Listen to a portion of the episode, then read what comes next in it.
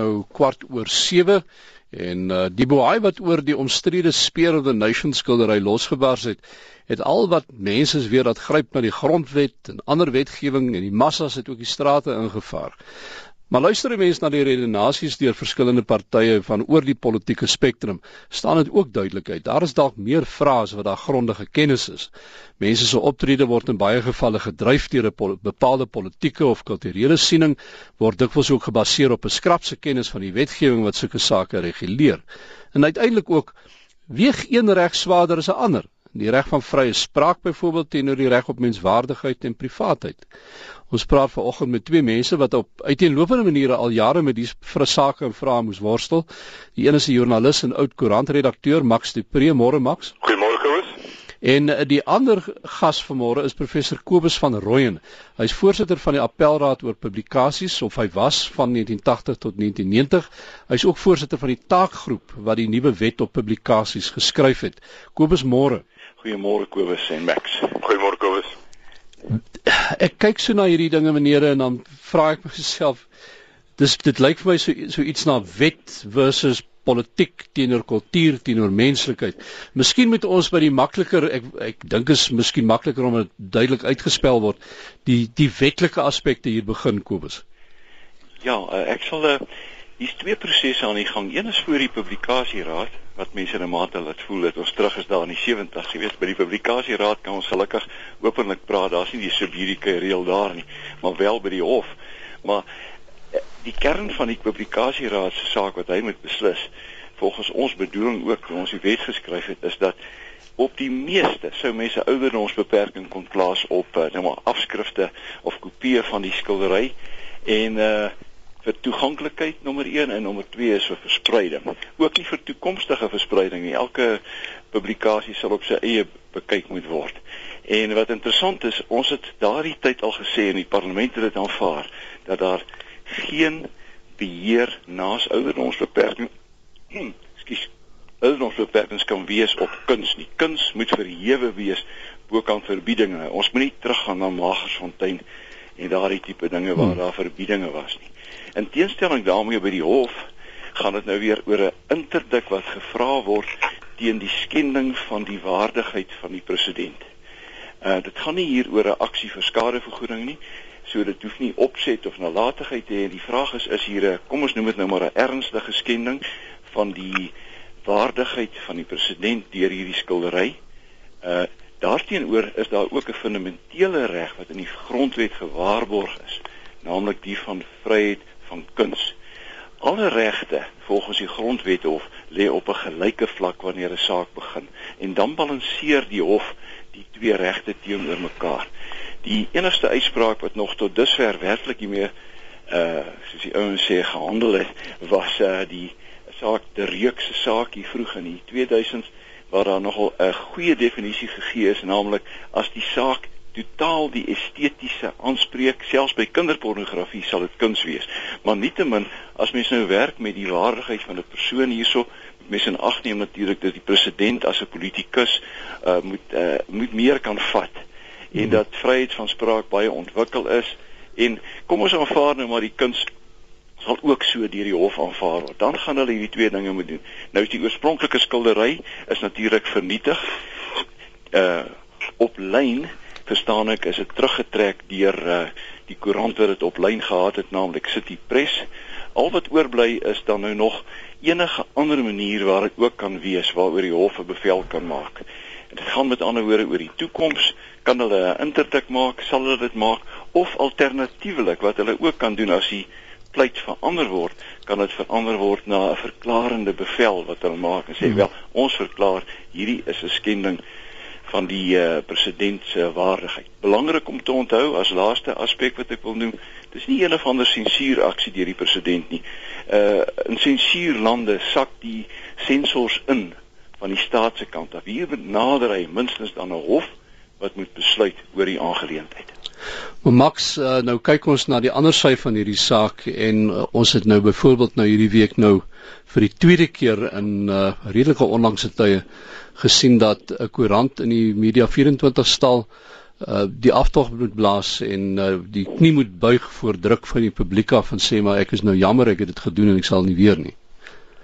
Ja, dit ek ek moet sê dit is baie jammer dat dit gebeur het. Ek uh het self vir die redakteur gesê van die van die City Press ehm uh, as hy die besluit geneem het as 'n redakteur van 'n groot nasionale koerant om hierdie om hierdie uh, skildery te plaas, dan moet sy daarmee deurgaan. Anders moet jy nie so braaf wees nie. Sy het raad gevra voor die tyd, moet ek hierdie ding plaas en mense het gevra sê die redakteur van Business Day Peter Bruce wat baie uitgesproke is hier oor het van gesê moenie dit plaas nie. En sy het dit geplaas en ek het gevoel uh, 'n slegte presedent word geskep hier dat ons uh, onder druk gaan soog en dit het al gebeur uh, meermale soos jy sê en en dit is baie jammer want die beginsel hier is vir my baie belangrik uh, en dit moet gewone mense wat almal soos jy sê hou nou die grondwet aan jou reg op waardigheid verminder so hoër as wat jy op die sosiale en politieke en openbare leer klim en dit moet mense maar in hulle koppe kry uh as iemand dit van 'n private man op die straat gaan doen, dan het hy baie goeie reg om te sê, "Hey, wat het ek gedoen? Waarom beledig jy my?" Hmm. Maar as iemand so magtig is soos die president en as iemand se lewe hom so daaraan leen dat jy met hom daaroor mag spot, as daardie deel van sy lewe so in openbare oog is, dan dink ek het ons nie veel van 'n argument nie. Die ander uh, sy van hierdie hele ding is natuurlik ook uh As ons nou kyk na die optrede van uh die leiers uh, die ANC spesifiek nou in Kusatu uh mens moet dit sekerlik ook sien in die lig van uh, alles wat nou later vanjaar by Mangaung gaan gebeur. Maar uh ek wil amper sê 'n opportunistiese optrede hierso wat 'n geleentheid aangegryp het hier om 'n uh, bietjie die aandag van hulle eie probleme af te trek. Ja, ek ek voel baie sterk daaroor en ek het dit reeds, reeds geskryf ook dat hierdie debat sou waarskynlik 'n dag lank as daar 'n debat sou sou gewees het, sou dit waarskynlik 'n dag lank gewees het en en uh, geduur het en dit sou onder die soort van kunselite en en joernaliste en intellektuele ge, ge, gevoer gewees het en dan sou dit verdwyn het. En spesifiek meneer Guedimantas en uh, die kommunistiese partyleier Blyden Zemande het hierdie ding gaan haal en hom omgedraai en waar daar op die, op die oog af geen ras betrokke was nie, het hulle hom gaan haal en hom opgeblaas tot 'n rasseoorlog, 'n rassekwessie. En my oordeel as 'n politieke ontleder is dat dit suiwer gegaan het oor Mangaung om weer vir president Zuma 'n slagoffer te maak soos hy laas president geword het en ek dink dit is roekeloos. En as mense sê maar nou is ek daar 'n bietjie rof in my oordeel, Kom ons kyk na wie het president Zuma ondersteun. Kom ons kyk byvoorbeeld na gister se opmars. Geen van president Zuma se teenstanders was daar nie. Die ANC jeugliga was nie eens daar nie. Uh nie een van president Zuma se so, teenstanders in die party het hoegenaamde uitsprake oor gemaak nie. En die van hulle wat dit gedoen het, het gesê ons steun nie die boikot teen partye teen teen koerante nie. So hier is 'n hier is 'n dit was 'n roekelose onverantwoordelike veldtog deur meneer Mantas en en Dr. Nzimande. Kobus as 'n regsman, uh, ek ek hoor wat jy sê dat uh, die president het ten minste nie 'n klomp sensors ingestuur om hierdie ding te gaan vasvat nie. Ja. Ehm um, hy is hof toe daaroor uh en en hy het die reg om hof toe te gaan. Dit, ek meen ons grondwet maak daarvoor voorsiening. Maar 'n mens moet tog 'n uh, bietjie vraagteken hang oor die die manier waarop die proses van daar af verloop het. Uh, ja, nee, kyk ek ek dink Max is 100% reg. Dis daai dis daai uh, kom ons noem dit politieke besluit wat 'n persoon neem wanneer hy dan hof toe gaan. Dit is eintlik waaroor hy uh, Max sy kritiek uitspreek. Uh, hy reken dat dit eintlik baie meer inhou as bloot net dit en daarmee kan my saamstem want dit is uh, die feit bly egter staan soos uh, toevallig Frans Josef Strauss het in die 80s uh, die mm. premier van Suid-Bavaria daai was 'n baie gevoelige ou en hy het uh, as premier het hy saak op saak gemaak en uiteindelik het hy een voor die konstitusionele hof uh gewen wat uh, hom verbind het in bepaalde soort seksualiteit wat ek nie so vroeg in die oggend eers wilde noem nie maar uh, die uh, kern van die saak is dat hy uh, dit is nie die eerste geval in die wêreld nie maar vat nou weer in Kanada is 'n lady uh, premier ook daar kaal in een van die uh weet kunslokale en enigste kritiek wat sy kantoor gehad het daarteen is dat uh, ja, die prentjie wys hom uit daar saam met 'n hond. Hy's eintlik 'n kat liefhebber. en dus uh, Obama het ook 'n saak gemaak. Uh, nee, hy sou ook 'n saak kon gemaak het as hy hier was, maar in die FSA uh, uh, is daar net nie ruimte vir enige politikus om uh, enige saak te maak wat sy waardigheid aantas. Hmm. Ek meen Hustler het 'n groot saak gewen teen nou Jerry Falwell waar hulle in 'n baie snaakse situasie seksueel uitgebeel het en hulle sê man jy's 'n lid van die kongres en jy kan nie sake bring nie. So 'n interessante benadering wat die Amerikaners het. Dit strook eintlik met wat Max sê. Eintlik ons reg doen dit nou nie.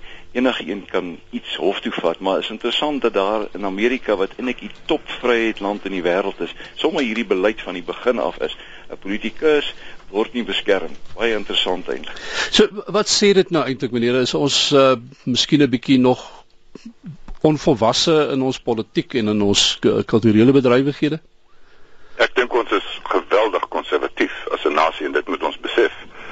Want uh anders is wat uh, sekere ANC leiers beweer, is daar 'n groot klomp uh Afrikaans sprekende mense, konservatiewe mense, wit mense wat ook gekant is hierteen.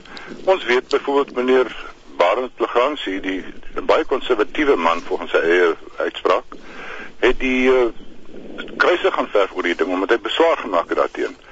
Ehm um, ek dink ons meeste van ons mense is ook teen abortus in Suid-Afrika. Ek dink die meeste van ons mense is teen gay huwelike. Ek dink die meeste van ons mense is vir die doodstraf. Maar dis waar politieke leierskap inkom en sê, "Oké, okay, ons gaan nie hier 'n bewaai oor maak nie. Dit word nie op 'n populistiese grondslag beslis nie. Ons moet die politieke leierskap moet goed kalmeer en goed verduidelik en die beginsel in die grondwet verduidelik en dit het nie gebeur nie. Maar Max wat jy nou daar sê is vir my interessant en, en wat vir my lei my na 'n volgende vraag dat toe ons die, die grondwet geskryf het in hierdie land en alles wat daarmee saamgegaan het of daar nie 'n geval was van politici wat aan die een kant vir die wêreld wou wys maar hulle is vooruitstrewende verligte denkers wat nou hierdie moderne eh, konstitusie nou in die lewe gaan roep maar dis dieselfde mense wat eintlik in hulle hart soos jy daar sê baie konservatief is en eintlik nie selfs daardie goed steun wat deur hulle konstitusie gesteun word nie byvoorbeeld gay huwelike uh, uh, en en dis meer Ja, maar onthou ons uh, twee dinge. In die eerste plek het die ANC toegeparadeer as 'n progressiewe hmm. organisasie wat hy klaarbliklik nie is nie. Hy is, is op die oomblik 'n regsgesinde konservatiewe organisasie. In die tweede plek was dit 'n onderhandelde onderhandelde grondwet. En en die goed is als daar ingesit en die ANC het die sterkste hand gehad in die skryf van ons grondwet. So hulle moenie nou kom kom skreeu nie. Hmm. Maar uh, ja, ek dink daar's 'n daar's 'n valsheid want is ook geen wonder nie dat daar al meer sprake is in die ANC van maar dan moet ons maar die grondwet verander. Ja, en dit lê nou nog voor, maar dit uh, sal miskien gelukkig nou nie so maklik gaan as wat meeste mense dink die Kobus. Ja, die uh, posisie is was my interessant geweest toe ons die publikasie wet in 1994 geskryf het hoe ons saglik tel beswaar was teen pornografie. Ek praat nie van gewelddadige pornografie nou nie. En ten spyte daarvan het die parlement tog deurgedruk en daardie wet toegelaat en op die basis dat jy in gelisensieerde persele inderdaad van hierdie soort pornografie kan huur en dit is eenvoudig dit is die naaste wat mens kan kom aan vryheid om ten minste volwassenes toe te laat om dit te doen. Maar ek wil ten einde uh, ten slotte van my kant af sê wel ek bly nog dankbaar dat hierdie hele ding 'n hof aangeleentheid is. Daarom 'n hof wat met besluit hieroor en uh, dit is die toets wat die voor wat die hof voor homself het hier. 'n opweging van hierdie twee belange en aggenome al die omstandighede wat gepleit is. En uh onthou daar's ook nog appel by howe en uh en uiteindelik tot by die konstitusionele hof dit is op die oomblik nogal 'n baie goeie toetsaak vir ons land. Ja, dit was professor Kobus van Rooyen wat met ons gepraat het, uh, maar uh, Max ek los die laaste woord vir jou. Ja, ek stem net daarmee saam. Ons moet daarom oor vir klein goedjies dankbaar wees as ons in Zimbabwe was was Cyril Lafferty in die tronk en Brett Murray in die tronk en die hmm. koerant is toegemaak en ook in uh um, in lande in die Midde-Ooste, Midde-Ooste. En ek dink uiteindelik as ons terugkyk gaan ons sê ons het iets hier geleer. Gewone mense het kennis geneem van 'n ding so satiriese kuns en ons het 'n bietjie ons borskoon gemaak. Wit mense het gesien hoe kwaad swart mense nog is, hoe rou die wonde nog is. Ek dink ons ek hoop ons is beter af as ons nou hier hier hiervandaan af verder beweeg en ons demokrasie is 'n klein bietjie sterker. So sê Max de Pre, hy is die oud joernalis, oud koerante, of hy is 'n joernalis steeds en ook 'n oud koerantredakteur